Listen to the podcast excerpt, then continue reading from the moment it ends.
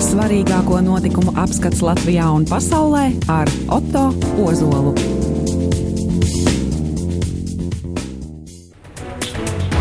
Radio arī klausītāji. Kārtībā mēneša svarīgāko notikumu apskatu studijā atkal esmu es, Otto Ozols. Atgādinu, ka esmu radio arī Viļņos katru mēnešu, pirmajā pirmdienā, pulkstens piecos pēcpusdienā. Nākošās stundas laikā centīšos apskatīt daļu no mūsu prāta ievērības cienīgiem notikumiem septembra mēnesī Latvijā un pasaulē. Daži no šodienas tematiem runāsim par, par saimnes vēlēšanu rezultātiem, pārvaldības veidošanas kaislībām, kam patiesībā tika iztērēta gandrīz puse no pāvesta vizītei piešķirtiem līdzekļiem. Raidījuma otrajā daļā runāsim par aktuāliem notikumiem ārzemēs. Kāpēc ir labi, ka amerikāņu karavīri ir Eiropā, vai leģendārā Vācijas kanclere Angela Merkele aiziet no politikas, un kas notiek Maskavas un Konstantinopols pareizticīgo baznīcu starpā. Par šiem un citiem notikumiem Latvijā un pasaulē nākošās nepilnas stundas laikā.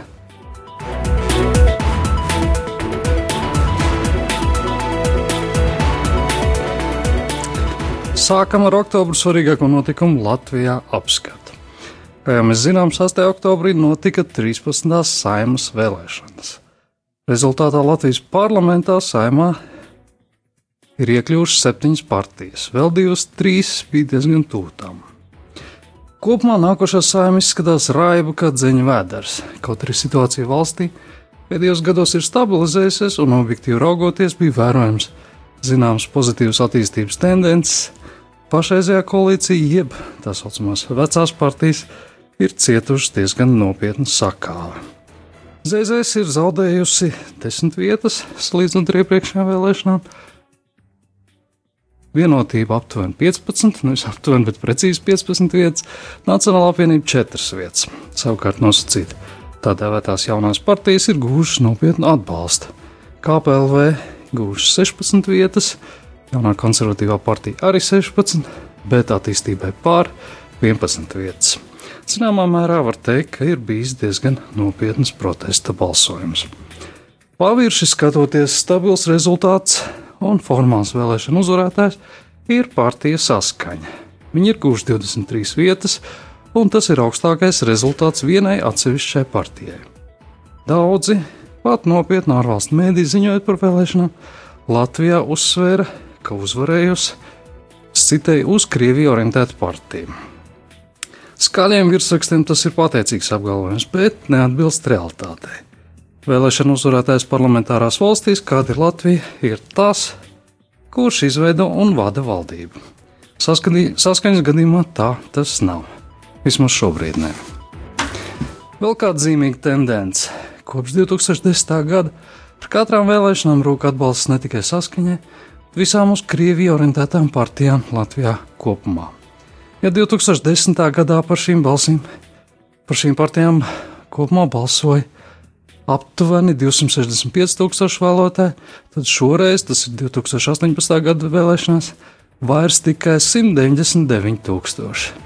Tas viss kopumā ir atsevišķi pētījumu vērts temats, bet ļoti būtisks faktors varētu būt tas, ka tieši Krievijas tautības sabiedrības daļa noveco visstraujāk pareizāk sakot, izmirst īpaši strauji, jo viņa demogrāfiskā bilance ir biedējoša. Ik gadu mirušo skaits kritiski pārsniedz jaudzimušo skaitu. Ir pamats uzskatīt, ka tieši saskaņieši, ka tieši viņa intereses kā pārstāvošie politiķi visvairāk ir atbildīgi par šo situāciju. Saskaņieši ir bijuši maz aktīvi aizstāvot demogrāfijas risinājumus, kopumā savu retoriku būvējuši uz depresīviem stāstiem, cik es citēju Krieviem Latvijā grūta dzīve un pretojušies izglītības sistēmai vienā valodā. Rezultātā jaunās krievu ģimenes nonākuši emocionālā drošības zonā, īpaši, ja viņiem ir uh, nepilnīgās valodas apmācības dēļ, ir bijis grūti iekļauties sabiedrībā, darba tirgu un sociālajā dzīvē. Tas viņus pirmos spieda doties prom no Latvijas, vai arī paliekot neveidot tik liels ģimenes, cik varētu emocionāli un sociāli stabilākos apstākļos. Bet šajā nosacītajā valodas getā viņas būtībā iedzina paši politiķi, kuriem bija izdevīgi uzturēt pēc iespējas vairāk sadalītu sabiedrību. Jo, ja krievi jauniešiem jaunieši labāk apgūtu valsts valodu, tad viņiem būtu krietni mazāk iemeslu balsot par šīm partijām.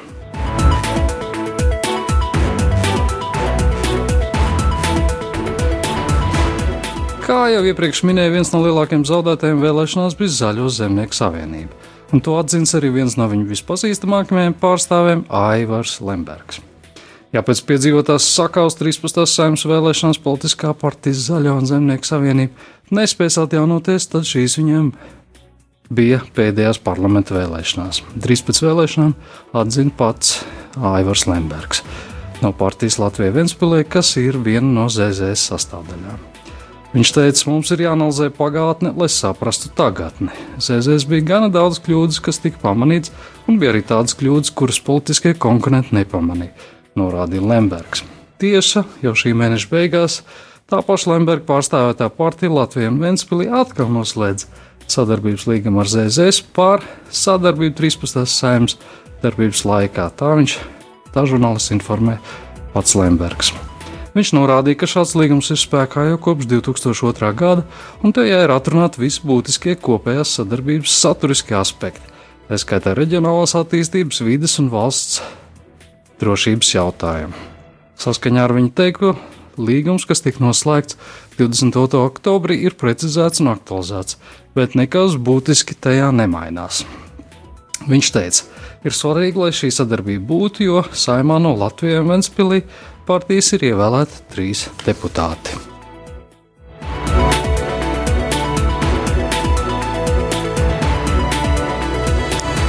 Savukārt partija KPVLV turpināja konfliktēt ar žurnālistiem arī pēc vēlēšanām.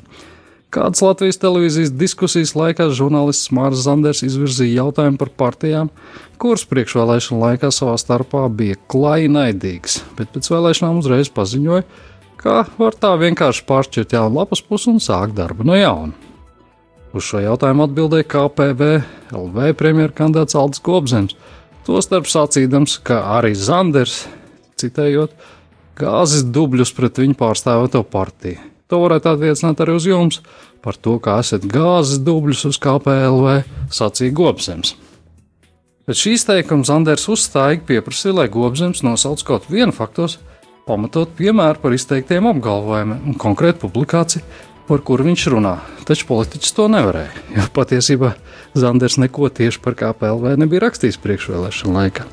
Sanders Gobzemam lūdza pamatot savus vārdus, bet viņš to nekādi nespēja. Līdz Zanders skaļi konstatēja, ka viņš ir mēlis. Vēl Aleksandrs sociālajā tīklā Twitter paziņoja, ka par notikušo sekos tiesvedība.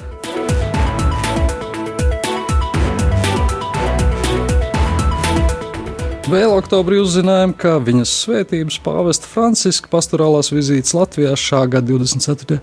septembrī nodrošināšanai no valsts budžets programmas līdzekļiem neparedzētiem gadījumiem tika atvēlēts 740 tūkstoši eiro. No Tieslietu ministrijas piešķirtās summas 300 tūkstoši eiro tika pārskaitīti Aglons bazilikas draudzē, lai uzsāktu Aglons bazilikas teritorijas labu iekārtošanu un ietvi atjaunošanu, ieejas mēsla un terases atjaunošanu, gaismas ķermeņa iegādi, torņa fasādes apdarbu darbu veikšanu, ārējā altāra fasādes apdars darbu veikšanu. Tas nozīmē, ka nauda neaizgāja tieši pašam pāvestam, bet gan tika ieguldīta kultūra vēsturiskā piemiņas atjaunošanai un uzturēšanai. Savukārt Nacionālās elektronisko plašsaziņas līdzekļu padomē tika piešķirts finansējums 145 tūkstoši eiro apmērā pāvesta vizītes atspoguļošanai sabiedriskajos plašsaziņas līdzekļos. No minētās summas 105 tūkstoši eiro tika pārskaitīti Latvijas televīzijai, bet 40 200 eiro Latvijas rādio. Tātad faktiski la, nauda palika Latvijā.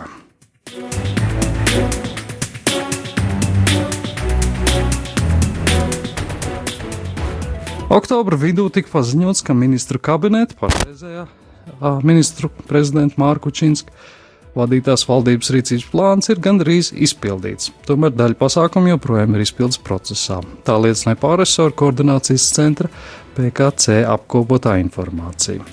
Ministra kabinetā valdības rīcības plāns tika apstiprināts 2016. gada aprīlī, un tajā ietverti 135 uzdevumi. Plāns tika veidots ņemot vērā valdības prioritātes, kas ir tautsājumniecības stiprināšana, valsts drošība un nacionālā identitāte, demografiskās situācijas uzlabošana, ģimenes dzīves kvalitāte un sociālais nodrošinājums, reformas izglītībā un zinātnē, kā arī reformas veselības aprūpē.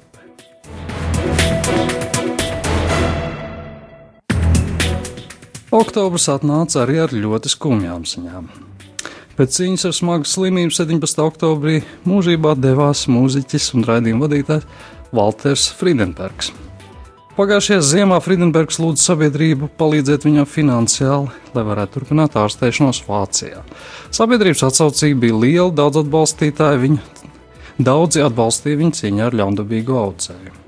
Neilgi pēc tam muzeķim sāka izmeklējumu ciklu Berlīnas Šaritē klinikā, lai noteiktu, kāda terapija viņa onkoloģiskai saslimšanai ir visefektīvākā. Tā ziņoja portāls LSM LV. Janvārī Valters pauda optimismu par ārstēšanos, un jau aprīlī viņam bija iespēja atgriezties Latvijā, kā arī piedalīties LTV raidījumā Gudrs vēl gudrāks filmēšanā. Friedenbergs bija Latvijai mīļots mūziķis. Savu mūziķu karjeru viņš sāka Latvijas radiobērnu vokālajā ansamblī Dzeguzīt, plašāk atpazīstamību gūkā grupas putnu balli dalībnieks. 2005. gadā Valters ar Kārli Bumesteru pārstāvēja Latviju Eirovīzijā. 2011. gadā viņš kļuva par grupas tumsa vokālistu.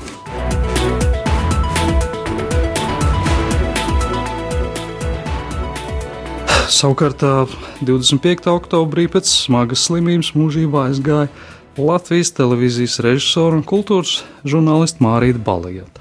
Tā sociālos ziņo, tīklos ziņoja LTV raidījums 100 gramu kultūras. Mārīta Balode ir dzimusi 1952. gadā. Latvijas televīzijā darbojusies kopš 1973. gada līdz pat pēdējiem brīdim, kur radījusi TV žurnāls par teātri, un filmas un raidījums par Latvijas kultūras personībām. Vīzu Belševicu, Āriju Elksni, Ojāru Vācieti, Veltu Līni, Gunāru Birkartu, Alvu Hermanu un citiem. Viņas pēdējā dokumentālā filma Olga Dreģe mirkļu pieskārienu pie skatītājiem nonāca šī gada martā.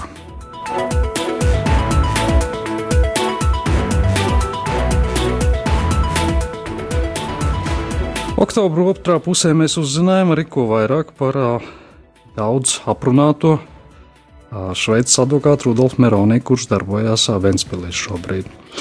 Mēdī ziņo, ka Šveices advokāts Rudolfs Meronī, kurš savulaik bija smagos noziegumos apsūdzētā Aivara Lemberga sabiedrotais un kuram tagad prokuratūra uzticējusi glabāt iespējams Lemberga ģimenei piedarošo mantu, varētu būt kļuvis par vienīgo noteicēju lielākajās Ventspils tranzīta kompānijās. Tā ziņo LTV raidījums de facto. Meronī darbošanās likumību pārbauda valsts policija, izmeklēt kriminālu procesu, par iespējamu piesavināšanos un noziedzīgas naudas legalizāciju. Policija teica, mums ir uzsākts process par iespējamu līdzekļu piesavināšanos un iespējamu tālāk legalizāciju, ko mēs arī pārbaudām. Tā teica valsts policijas organizētās noziedzības apkarošanas pārvaldes pirmās nodaļas priekšnieks Raitis Kalnačs. Ar Meroni un viņa sabiedrotiem tiek saistīta oficiāli pagaidām nepierādīta informācija par dažādu politiķu un partiju tieši vai netieši finansēšanu, kas varētu balansēt uz vai pat aiz likuma robežas.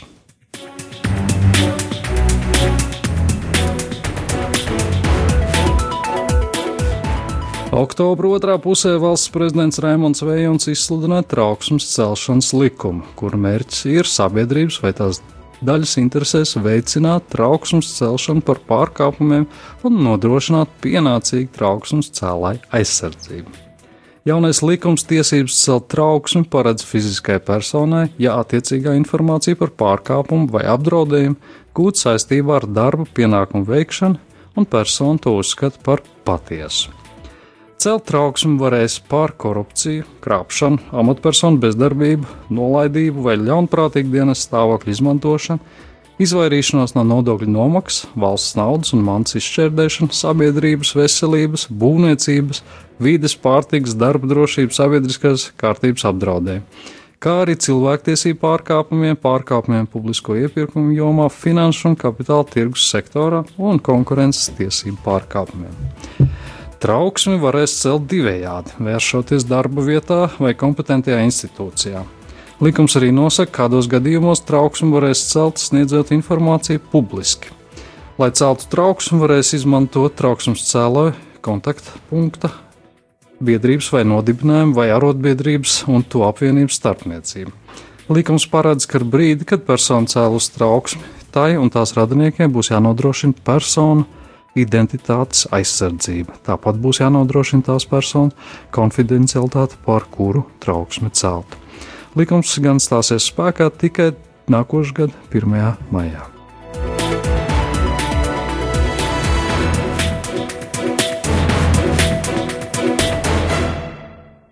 13. saimnes pirmajā sēdē būtu jāievēl saimnes prezidijs, nevis jāpārvēl esošais kā pagaidu variants. Tā oktobra otrā pusē paziņoja jaunās konservatīvās partijas premjera kandidāts Jānis Bordāns. Bordāna partijas IKP kandidāts saimnes priekšsēdētājs amatam ir kultūras socioloģija Dagmāra Beitnere Legala. Savukārt Nacionālās apvienības kandidāts ir pašreizējā saimnes priekšsēdētāja Ināra Mūrniece. Savukārt, kā, savukārt partija KPLV saimnes priekšsēdētāja biedrāmatam piedāvā savu vadītāju Artus Kaimiņu. Kurš no viņiem tiks ievēlēts, uzzināsim iespējams jau šonadēļ.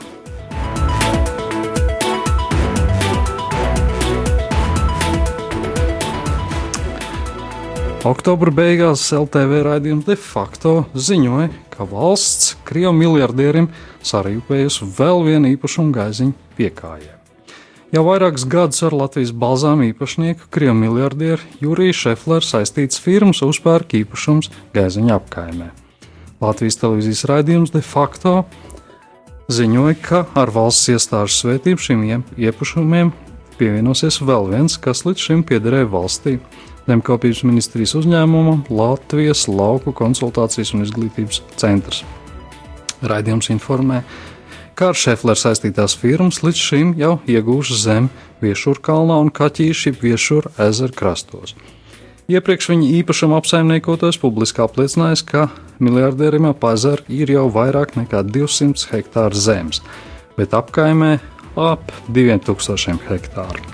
Jāatgādina, ka Šefleram pieder īpašumu arī Jūrmalā tieši blakus Latvijas valsts prezidenta Jūrmals rezidencē. Formāli uz vairāk nekā hektāra lielā zemes gabala Jūrmalā Meirovicas prospektā jaunuzbūvētais viesnams pieder Sijā Meirovicas 35, taču faktiski tā saimnieks ir Latvijas balzām Krievijas īpašnieks Jurijs Šeflers.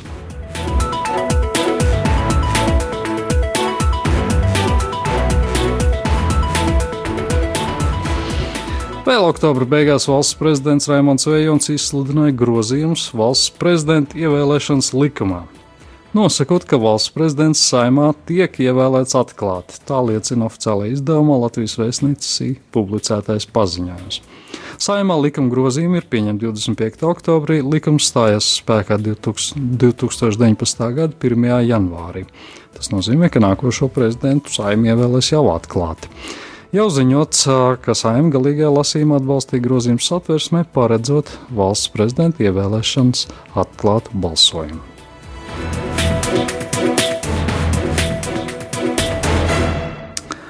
Vēl oktobra beigās uzzinājām, ka tobrīd nezināmais, iespējams, Krievijas labā apcietinātais par spiegošanu apcietinātais Latvijas pilsonis savu laiku ieņems nodaļas priekšnieka amatu Latvijas iekšlietu ministrijas informācijas centrā. 1956. gadā dzimušā Oļega Būraka advokāta Imants Jansona apstiprināja, ka iesniegusi sūdzību par Rīgas vidzemes priekšpilsētas tiesas lēmumu, ar kuru klientam kā drošības līdzeklis piemērots apcietinājums. Tagad sūdzība būs jāvier, jā, jāvērtē Rīgas apgabala tiesai.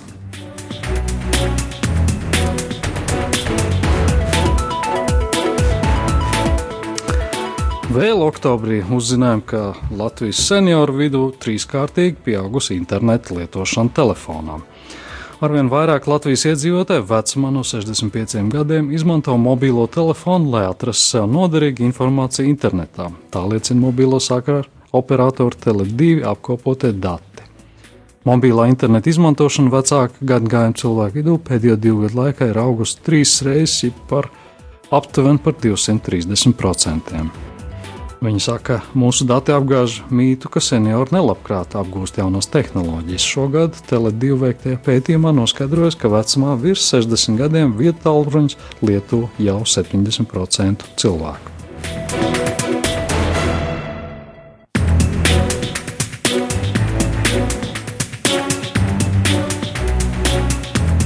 Oktobra beigās uzzinājām, ka daudz vietu Latvijas centrālajā daļā ir uzstādīti jauni 31. oktobra maksimālās gaisa temperatūras rekordi. Bet Liepājā atkārtos 2000. gada rekords, tā informē Latvijas vidas geoloģijas un meteoroloģijas centrs. Rīgā fiksēta temperatūra plus 16,1 grāds pēc Celsija ir jauns maksimālā gaisa temperatūras rekords visai Latvijai.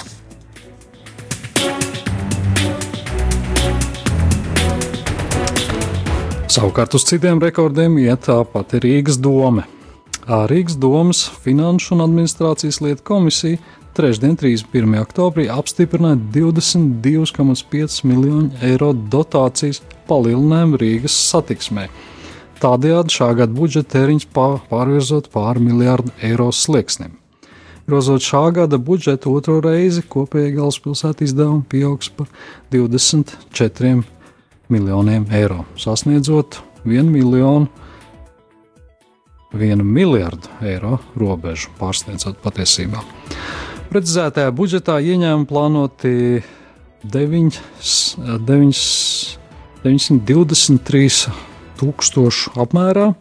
Tādējādi budžeta deficīts ir ap 10%. Vislielāko tēriņu pieaugumu veido 24,4 miljonu eiro izdevumu palielinājums Rīgas satiksmes budžetā.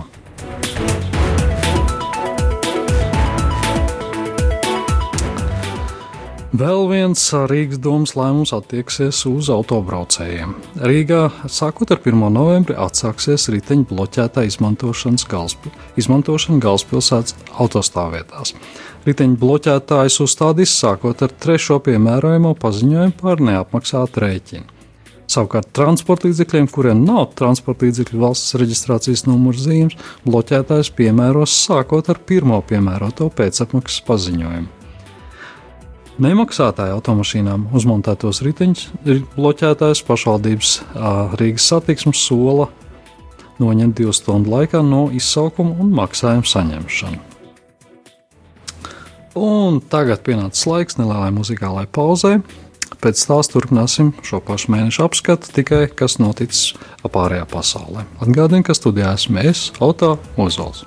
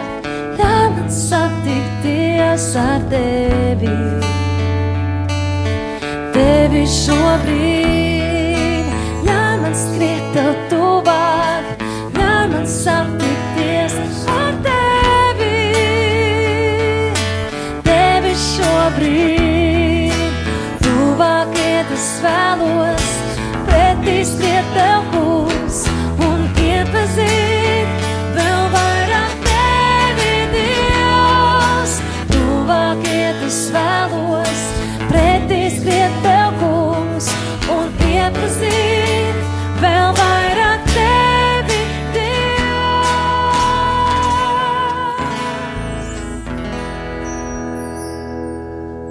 Svarīgāko notikumu apskats Latvijā un pasaulē ar Otto Ozolu. Radījuma otrajā daļā pievērsīsimies notikumiem pasaulē. Jo vairāk amerikāņu karavīrs izvieto Eiropā, jo labāk. Tā oktobra sākumā atzina Igaunijas aizsardzības ministrs. Analizējot pašreizējo stāvokli, NATO ministrs atzina, ka uz notiekošo aliansē raugās optimiski. Igaunijas ministrs Luiks norādīja, ka Donalda Trumpa argumenti par nepieciešamiem investīcijām aizsardzības budžetā ir leģitīmi. Igaunija jau ilgāku laika periodu aizsardzībai atvēl 2% no IKP, un arī mēs esam pauduši viedokli, ka alianses dalību valstīm ir vairāk jāiegulda savā aizsardzībā. Pēc ministra domām lielākas investīcijas aizsardzības budžetā ir nepieciešams praktiski iemeslu dēļ, bet vienlaikus tas ir arī politisks simbols. Ministrs arī atzinīgi vērtē ASV un Eiropas valsts sadarbību drošības nozarē. Donalda Trumpa administrācijas laikā. Viņš norādīja, jāatzīmē, ka ASV Trumpa administrācijas laikā ir aktīvi iesaistījusies Eiropā, it sevišķi militāro mācību kontekstā. ASV ir piedalījušies gandrīz visās liela un maza mēroga militārajās apmācībās, kas notikušas Eiropā. Tāpat Trumpa prezidentūras laikā ir palielinājis ASV karavīru skaits Eiropā. Šo iemeslu dēļ uz notiekušo skatos optimistiski. Jāatgādina, ka arī Latvijas ārlietu ministrs Edgars Rinkevičs ir paudis viedokli, ka Latvijas budžets aizsardzībai būtu jāpalielina līdz 2,5% no IKP.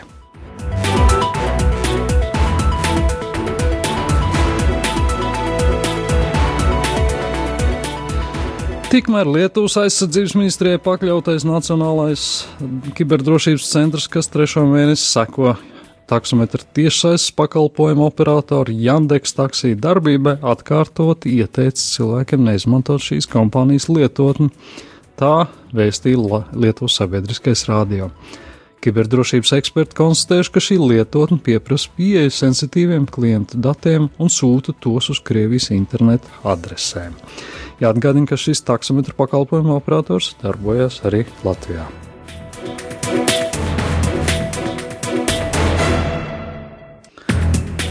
Oktobra otrā pusē uzzinājām arī kādu um, mulsinošu faktu. Bēgļu krīzes dēļ prostitūtu pakalpojumu cena Grieķijā ir nokritusies līdz 3 eiro. Tā atzina kāds eksperts. Kamēr Eiropā ir valsts, kuras pieļauj prostitūciju un nerisina darba tirgus problēmas, cilvēku tirgotājiem būs valstis un pēdiņās uzņēmēji, kuriem piegādāt cilvēkus. Tā intervijā pauda Zviedrijas īpašo uzdevumu vēstnieks jautājumus, kas saistīti ar cilvēku tirzniecības novēršanu, Pērs Anders Sonsens. Vienlaiks viņš norādīja, ka kopējās tendences Eiropas Savienībā rāda, ka valstis saprot, ka kaut kas ar prostitūciju ir jādara. Viņš teica, bēgļu krīzes dēļ ielas ir pārpildītas ar sievietēm un meitenēm. Nesen biju Grieķijā un valsts policija man informēja, ka Grieķijā ir tik daudz sieviešu un meiteņu, kur, kuras cenšas pārdot savus ķermeņus, ka par seksu ar vīrieti viņiem maksā 3 eiro. 3 eiro katrai tāda ir situācija. Savu sašutumu pauda Sunesons. Viņš gan kopumā ir optimistisks un tic, ka Eiropā un tās valsts un to valstu likumi mainīsies, bet cīņa būs grūta, jo šajā biznesā pēdiņās ir tik daudz naudas, ka jāsaskarās ar spēcīgu lobby, kas aicina prostitūciju veidot par profesiju. Turklāt lobētāji bieži vien esot labrunātāji, gudri un jauni.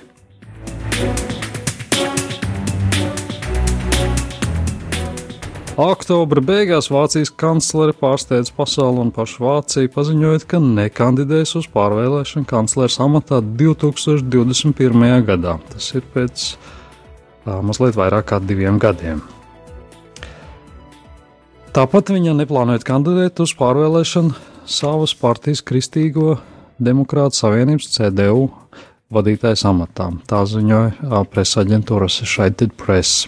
CDU partija aizvadīto mēnešu laikā nesekmīgi startējas reģionālajās vēlēšanās, atbalsts šai un citām koalīcijas partijām ievērojami krities salīdzinājumā ar iepriekšējo vēlēšanu rezultātiem.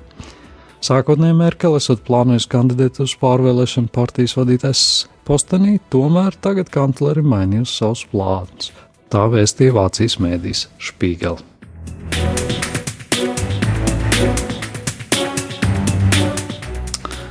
Tikmēr ASV uz savu militāro bāzi Vācijas pilsētā Ramsteinā pārvietojusi lielāko munīcijas apjomu pēdējo 20 gadu laikā. Tā liecina militārā objekta tīmekļa vietnē publiskotā informācija. Oktobra laikā bāzē saņemta aptuveni 100 konteineru dažādu veidu munīciju. Tāda apjoma piegādes te nav bijušas kopš pagājušā gadsimta beigām, kad 1999. gadā NATO Kosovas kampaņas laikā lidmašīnas veids vairāk nekā 900 izlidojumus. Jaunatvestās munīcijas krājumi tiks izmantoti NATO atturēšanas spēju uzlabošanai Eiropā un gaisa spēka rezervi palielināšanai. Munīcijas, degvielas un ekipējuma rezervu palielināšanai palielināšana uzlabo ASV spējas nodrošināt ātrā atbildi agresīvu uh, spēlētāju draudiem.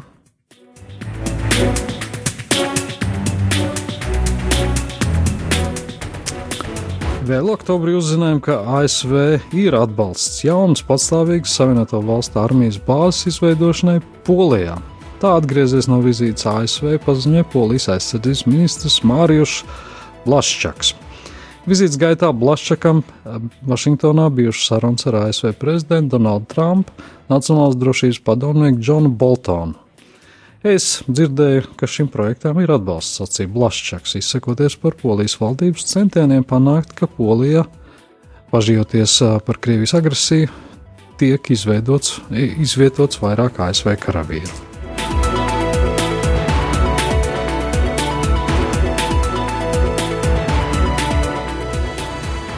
Satraucošas ziņas oktobrī nāca arī par kopējo ekoloģisko situāciju uz visas zemeslodes.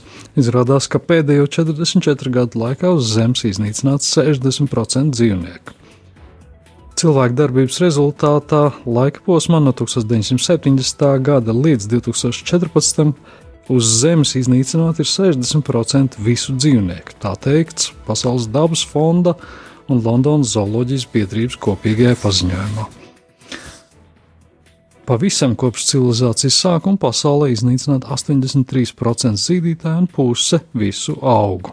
Kā galvenos dzīvnieku un augu izzušanas iemeslus pētnieki nosauc lauksaimniecību, kas skārus jau 3 ceturdaļas no planētas Sauszemes, medības, kur dēļ pasaulē izzuduši aptuveni 300 dzīvnieku veidu, okeāna ķīmiskais piesārņojums, kādēļ iznīcībai lemta pus, pas, puse pasaules vaļu populācijas.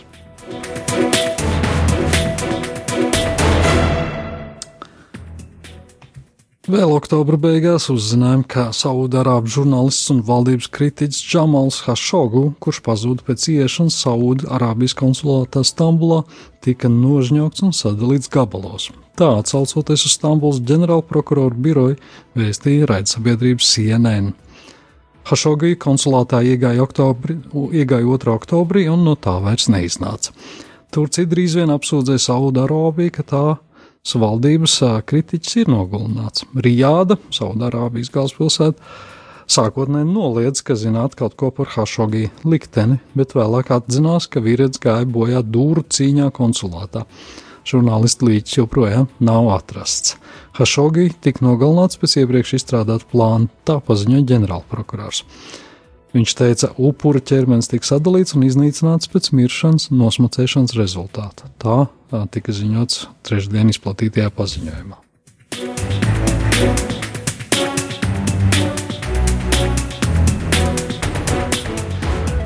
6. oktobra beigās Krievijas prezidents Vladimirs Putins brīdināja par nopietnām sekām, kas iespējams pēc saišu saraušanas Maskavas un Konstantinopols pārējsticīgo baznīcu starpā, ko izraisīja Konstantinopols patriarchāta lēmums atzīt Ukrainas baznīcas neatkarību. Putins teica, politikānisms tik jūtīgā sfērā vienmēr ir nolemts smagām sekām, un vispirms jau tiem, kas to īsteno. Tā runājot Maskavas Krievijas diasporas pārstāvju formā, norādīja Putins. Vērojami centieni saraut saites starp Krievijas baznīcu un ticīgiem ārzemēm, viņš piebilda. Mūsu kopīgais pienākums vispirms cilvēku labā ir saglabāt garīgo un vēsturisko vienotību, norādīja Putins. Oktobra sākumā Konstantinopolis patriarchāts sinoda paziņoja par apņemšanos piešķirt autokefāliju, ko varētu devēt par pašpārvaldi, Ukraiņas baznīcai nodibināt kanonisko kopību ar divām Ukraiņas baznīcām, kuras Krievijas pareizticīgā baznīca neatzīst. Kijavas patriarchāta Ukraiņas pareizticīgo baznīcu un Ukraiņas autokefālo pareizticīgo baznīcu. Tika atcelts arī 1686. gada lēmums, ar kuru Konstantinopols patriarchs Dionīsijas nodeva Kijavas metropoliju Maskavas pārvaldē. Lēmums ir pamatīgs trieciens Maskavas garīgajai autoritātei pareizticīgo pasaulē. Krievijas pareizticīgā baznīca lēmumu nosodīja un paziņoja par saišu saraušanu Konstantinopols patriarchāta. Aprīlī Maskavas neatzītās baznīcas vērsās pie Konstantinopols patriarchāta lūgumu atzīt Ukrainas baznīcas neatkarību. Šo lūgumu atbalstīja Ukrainas prezidents un parlaments.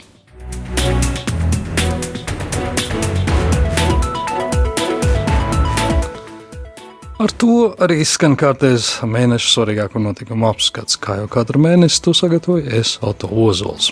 Tiekamies nākamajā, nākošajā raidījumā, kas tradicionāli izskan katra mēneša pirmajā pirmdienā, pulkstens piecos pēcpusdienā.